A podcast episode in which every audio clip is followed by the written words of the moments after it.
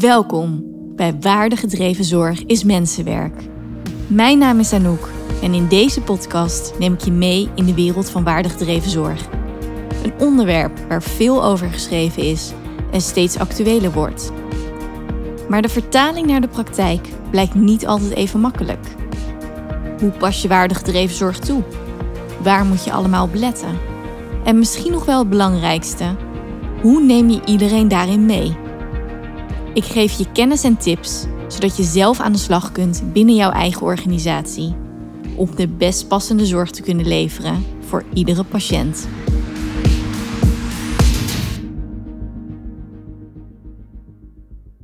Welkom bij deze nieuwe aflevering, aflevering 2. Hoe begin je met waardegedreven zorg? En in de vorige aflevering heb ik uitgelegd wat zorguitkomsten zijn dat er een verschil is tussen klinische en patiëntgerapporteerde uitkomsten en de drie doeleinden waarvoor je deze zorguitkomsten kunt gebruiken. Samen beslissen, leren en verbeteren en het transparant maken van zorguitkomsten. Deze keer ga ik dieper in op hoe je kan beginnen met waardegedreven zorg. En voordat je echt in de praktijk kan beginnen, is het goed om scherp te hebben wat je wilt gaan doen. En dat kan je vastleggen in de vorm van een plan van aanpak, een projectplan of hoe je het ook wil noemen. En ik neem je mee in de belangrijkste stappen die een plan van aanpak bevat om vervolgens te kunnen uitvoeren. Misschien herken je het wel dat er altijd wel een aanleiding is om te starten met waardegedreven zorg. Dat kan komen vanuit het management, omdat het in de strategie opgenomen is of omdat het integraal zorgakkoord hierop inzet. Maar het kan ook komen vanuit zorgverleners zelf, omdat ze gelezen hebben over waardegedreven zorg, of het van andere collega's gehoord hebben, wat de toegevoegde waarde is, en hier ook iets voor hun eigen vakgebied mee willen. Hoe dan ook, er is de wens om te beginnen met waardegedreven zorg en je gaat aan de slag met het maken van een plan.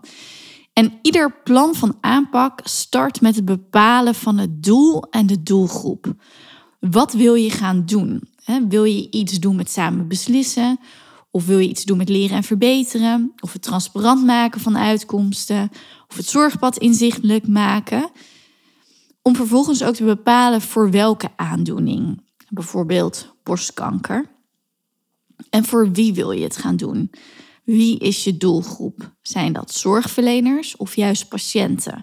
En dat maakt wel degelijk uit. Want in mijn tijd bij Santion en ik begon daar in 2019, dachten we nog dat wat zorgverleners interessant vinden om te zien qua uitkomsten van zorg, dat patiënten dat net zo interessant vinden. En dat bleek niet zo te zijn, want toen we de eerste infographic live hadden gezet, waarin uitkomsten van zorg gepresenteerd werden op de website van Sontion, vroegen we ook aan patiënten wat ze hiervan vonden.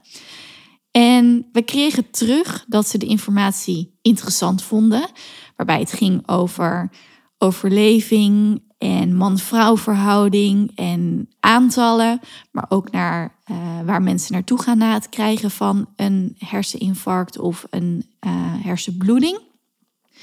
Maar ze gaven ons ook terug van ja, ik zou eigenlijk juist wel meer willen weten over die kwaliteit van leven van voorgaande patiënten. Hoe hebben zij hun aandoening ervaren en hoe zijn ze daar mee doorgegaan? Um, ervaren ze bijvoorbeeld ook veel meer emoties dan daarvoor? Of hoe gaat het met het verlies van geheugen? En toen kregen we wel door dat er een verschil zit in wat zorgverleners interessant vinden om hun zorg op te kunnen verbeteren. En wat patiënten juist willen zien, zodat ze weten wat ze kunnen verwachten. En die erkenning en die herkenning. Dus probeer ook het doel en je doelgroep zo concreet mogelijk te formuleren. Hoe concreter, hoe beter. Wat is je beoogde eindresultaat? En een mogelijk doel kan zijn het gebruik van een leren en verbeteren dashboard voor zorgverleners die patiënten met borstkanker behandelen. De tweede stap is het samenstellen van een team. Wie moet er in het team gaan plaatsnemen? En hierbij kan je een onderscheid maken tussen wie mag of moet hier iets van vinden. Denk daarbij aan managers, raad van bestuur, Maar je kan ook denken aan het betrekken van patiënten, wanneer je als doelgroep patiënten hebt gekozen. En een patiëntenvereniging. En wie gaat het uitvoeren? Denk aan medisch specialisten, een verpleegkundig specialist, verpleegkundige. Welke specialismen zijn allemaal betrokken bij de behandeling van de gekozen doelgroep? En wie zijn er allemaal betrokken bij bijvoorbeeld de behandeling van borstkanker? En naast zorgverleners, als je voor een leren en verbeteren dashboard gaat en die wilt gaan ontwikkelen, wie gaat dit dan doen? En ook goed om over de vraag na te denken: wie gaat de uitvoering begeleiden? Wie is het aanspreekpunt als er vragen zijn? En mijn advies zou zijn om dit niet over te laten aan zorgverleners gezien hun volle agenda's, maar eerder aan een projectleider, een adviseur of een beleidsmedewerker van een ondersteunende afdeling. En alle genoemde betrokkenen zijn onderdeel van het team en werken ook samen toe naar het beoogde doel en resultaat. Dus breng je stakeholders goed in kaart. En dat gaat je straks ook helpen bij de uitvoering van het plan. En misschien nog wel een van de belangrijkste aspecten van het opstellen van het plan van aanpak. Ga vooral ook in gesprek met al die betrokkenen die in je team zitten. En geef alle stappen van het plan van aanpak ook samen vorm. Zorg voor duidelijkheid. Eh, zorg ervoor dat het voor iedereen ook duidelijk is wat het plan van aanpak inhoudt en de bijbehorende stappen. Want als iemand niet zo goed snapt wat er staat of wat er gedaan moet worden, zal deze persoon de stap ook straks niet gaan uitvoeren. Dus stap 2, stel een team samen. De derde stap is het bepalen van de juiste informatie. En nu het doel, de doelgroep en het team bekend zijn, kan je ook gerichter naar die vervolgstappen gaan kijken. Wat heb je nodig om dit doel te gaan realiseren? Welke informatie heb je hiervoor nodig? En stel dat we bij de eerste stap gezegd hebben en als doel hebben gesteld het gebruik van een leren en verbeteren dashboard voor zorgverleners die patiënten met borstkanker behandelen. Ja, welke vragen moeten dan beantwoord worden in zo'n leren en verbeteren dashboard? Welke informatie moet daarin terugkomen waar zorgverleners met elkaar naar kunnen kijken om zo hun zorg of de zorgprocessen te kunnen verbeteren. En nu denk je misschien dat is een makkelijke stap, maar ik kan je uit persoonlijke ervaring vertellen dat dit nog niet zo eenvoudig is. Want wanneer ik om tafel zit met zorgverleners en vraag wat zij interessante en relevante vragen vinden voor hun doelgroep om beantwoord te zien, dan komen er niet meteen antwoorden. Je moet echt wel even goed doorvragen om na te gaan wat zij echt belangrijk vinden om met elkaar naar te gaan kijken. En dat kunnen vragen zijn als: ja, wat zijn op dit moment lastige situaties voor jullie? Wat valt je op bij deze patiëntengroep? En als ze wel met specifieke antwoorden komen en specifieke vragen of onderwerpen waar ze naar willen kijken, welke factoren spelen dan ook een rol hè, bij de uitkomst op die vraag? En in mijn trainingen en coachingsessies besteed ik ook veel aandacht aan de juiste vragen stellen, omdat dit vaak bepalend is voor het resultaat. En daarnaast kan het ook helpend zijn om te kijken wat er landelijk wordt gedaan en of er al uitkomstensets voor deze patiëntengroep beschikbaar zijn. Bijvoorbeeld in lijn 1 van het programma Uitkomstgerichte Zorg zijn ook uitkomstensets ontwikkeld voor bepaalde aandoeningen waarin ook relevante vragen zijn opgenomen voor leren en verbeteren. En tot slot, stel we hadden in stap 1 als doelgroep patiënten gekozen, ga dan ook na bij patiënten wat zij interessant vinden om terug te zien.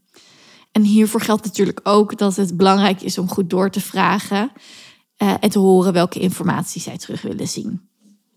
De vierde stap is het bepalen van de benodigde datapunten. Waar we in stap 3 de juiste informatie of vragen op tafel hebben gekregen, gaat stap 4 om het in beeld brengen van de benodigde datapunten om de vragen te kunnen beantwoorden.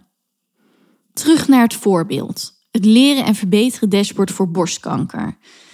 Als we in dit dashboard kwaliteit van leven inzichtelijk willen maken, gaan we in deze stap op zoek naar welke datapunten daarvoor nodig zijn. Een datapunt kan bijvoorbeeld zijn algemene kwaliteit van leven, of mate van pijn, of leeftijd, of type operatie, etc. Probeer telkens op basis van de vragen die je met je team gemaakt hebt, in stap 3, te inventariseren welke datapunten hiervoor nodig zijn. En dit kan per vraag verschillend zijn. Wanneer je de benodigde datapunten voor je vragen bepaald hebt, wil je nagaan of de data voor deze datapunten ook beschikbaar zijn in je organisatiesystemen zoals het EPD. En de data is alle gegevens van alle borstkankerpatiënten samen over één datapunt. Ter verduidelijking, je hebt de datapunt leeftijd. En de data is dan alle leeftijden van alle borstkankerpatiënten. En aangezien hier zoveel bij komt kijken en het zo nauw luistert, heb ik hier een aparte aflevering aangeweid. In aflevering 3 neem ik je mee hoe je van beschikbare data naar het beantwoorden van je vraag komt. Hoe maak je zorguitkomsten inzichtelijk? Door naar de vijfde stap, en dat is de implementatie. Deze stap gaat over daadwerkelijk gebruik in de praktijk. Hoe wil je je beoogde eindresultaat gaan inzetten in de praktijk? Wie moeten dit gaan gebruiken? En hoe zorg je er ook voor dat dit gebruikt gaat worden? En onderschat vooral deze stap niet, want wellicht herken je de volgende situatie ook wel. En vol enthousiasme heb je toegewerkt naar het beoogde eindresultaat en iedereen is er helemaal klaar voor om in, in de praktijk te gaan gebruiken, zien het ook zitten. En wanneer het eindresultaat dan is opgeleverd en je een paar weken later vraagt van goh, hoe wordt het nu gebruikt? Reageert iedereen toch een beetje mm, ja, dat ze het nog moeten gaan gebruiken. Of dat ze niet zo goed weten hoe ze toch het beste kunnen gaan inzetten. En mijn ervaring is omdat je iets anders moet gaan doen dan dat je gewend bent. En hier is begeleiding voor nodig. Hoe kunnen gebruikers het implementeren in hun eigen werkwijze? En ook zoiets simpels als, ja, waar vind ik eigenlijk wat we gemaakt hebben? Het helpt echt als je hier al in je plan van aanpak aandacht aan besteedt. Hoe moet het eindresultaat gebruikt gaan worden in de praktijk en wat is daar dan voor nodig? En de zesde en laatste stap is het verkrijgen van akkoord. Kan het team zich vinden in de stappen? Denk hierbij ook aan de managers en de andere relevante stakeholders die hier iets van moeten vinden. Gaan zij akkoord met het plan? En snapt iedereen ook de te nemen stappen? En wanneer er akkoord is, bepaal dan ook de rollen, taken en verantwoordelijkheden. Wie doet wat? Wie is waarvoor verantwoordelijk? En het belangrijkste is dat het plan gaat leven en dat de betrokkenen, het team, er ook zin in hebben om hiermee aan de slag te gaan. En dan nu de vraag: weet jij de zes stappen nog? Laat me je even helpen. Stap 1. Bepaal je doel en doelgroep. Wat wil je gaan doen en voor wie? Stap 2. Stel een team samen. Stap 3. Bepaal de juiste informatie of vragen die nodig zijn voor het realiseren van je doel. 4. Bepaal de datapunten die voor deze informatie of vragen nodig zijn. 5. Denk na over de implementatie. Hoe wil je het gaan gebruiken in de praktijk? En 6. Het verkrijgen van akkoord op het plan en de rollen, taken en verantwoordelijkheden zijn duidelijk. En deze stappen verdienen een plek in je plan van aanpak. Maar wees niet bang om ten tijde van het opstellen het plan aan te scherpen. En soms daarvoor ook een stap terug te moeten gaan doen. Wat ik vaak zie gebeuren is doordat je samen met een team bezig bent, maak je hen ook bewust van de mogelijkheden van waardig gedreven zorg. Zo gaan bijvoorbeeld zorgverleners vaak na een gesprek nadenken over wat zij relevante informatie vinden om terug te zien en komen dan later bij je terug. En vervolgens neem je die relevante vragen nog wel mee in je plan.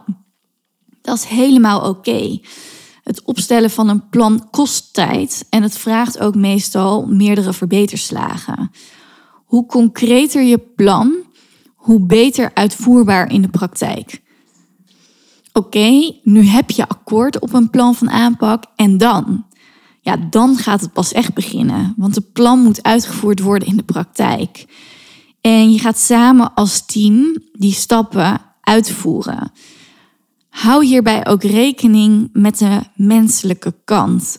Vergeet niet dat dit voor veel zorgverleners en voor andere betrokkenen nog een relatief nieuw onderwerp is. En je hebt met elkaar samen te werken om tot het gewenste resultaat te komen. En daar is ook een bepaalde mate van verbinding en vertrouwen voor nodig.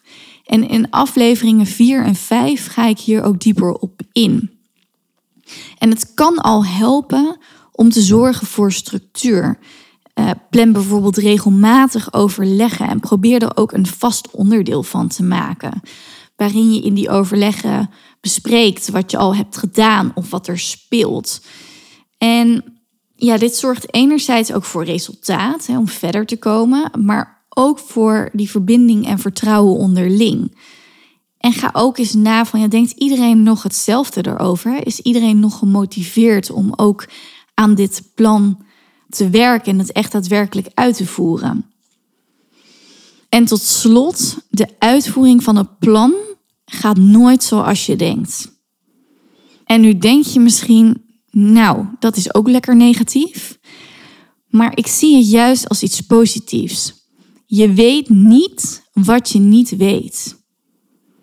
En door de stappen of onderdelen van het plan ook uit te voeren, in toch wel weer barstige zorgpraktijk, kom je dingen tegen die je van tevoren niet had kunnen bedenken. En daar moet je iets mee. En dat is alleen maar mooi, want daardoor leer je. Dus blijf ook evalueren met elkaar. Waar liep je tegenaan? Wat ging anders dan verwacht? Wat ging goed? Wat kan beter? En zo krijg je ook je eigen leren en verbeteren cyclus en ontwikkel je in het implementeren van waardegedreven zorg. En daarmee wil ik deze podcast afsluiten. En als allerlaatste nog een vraag aan jou. Wat neem je mee uit deze podcast? En wat zet je aan het denken? Voor nu, dank je wel en hopelijk tot de volgende.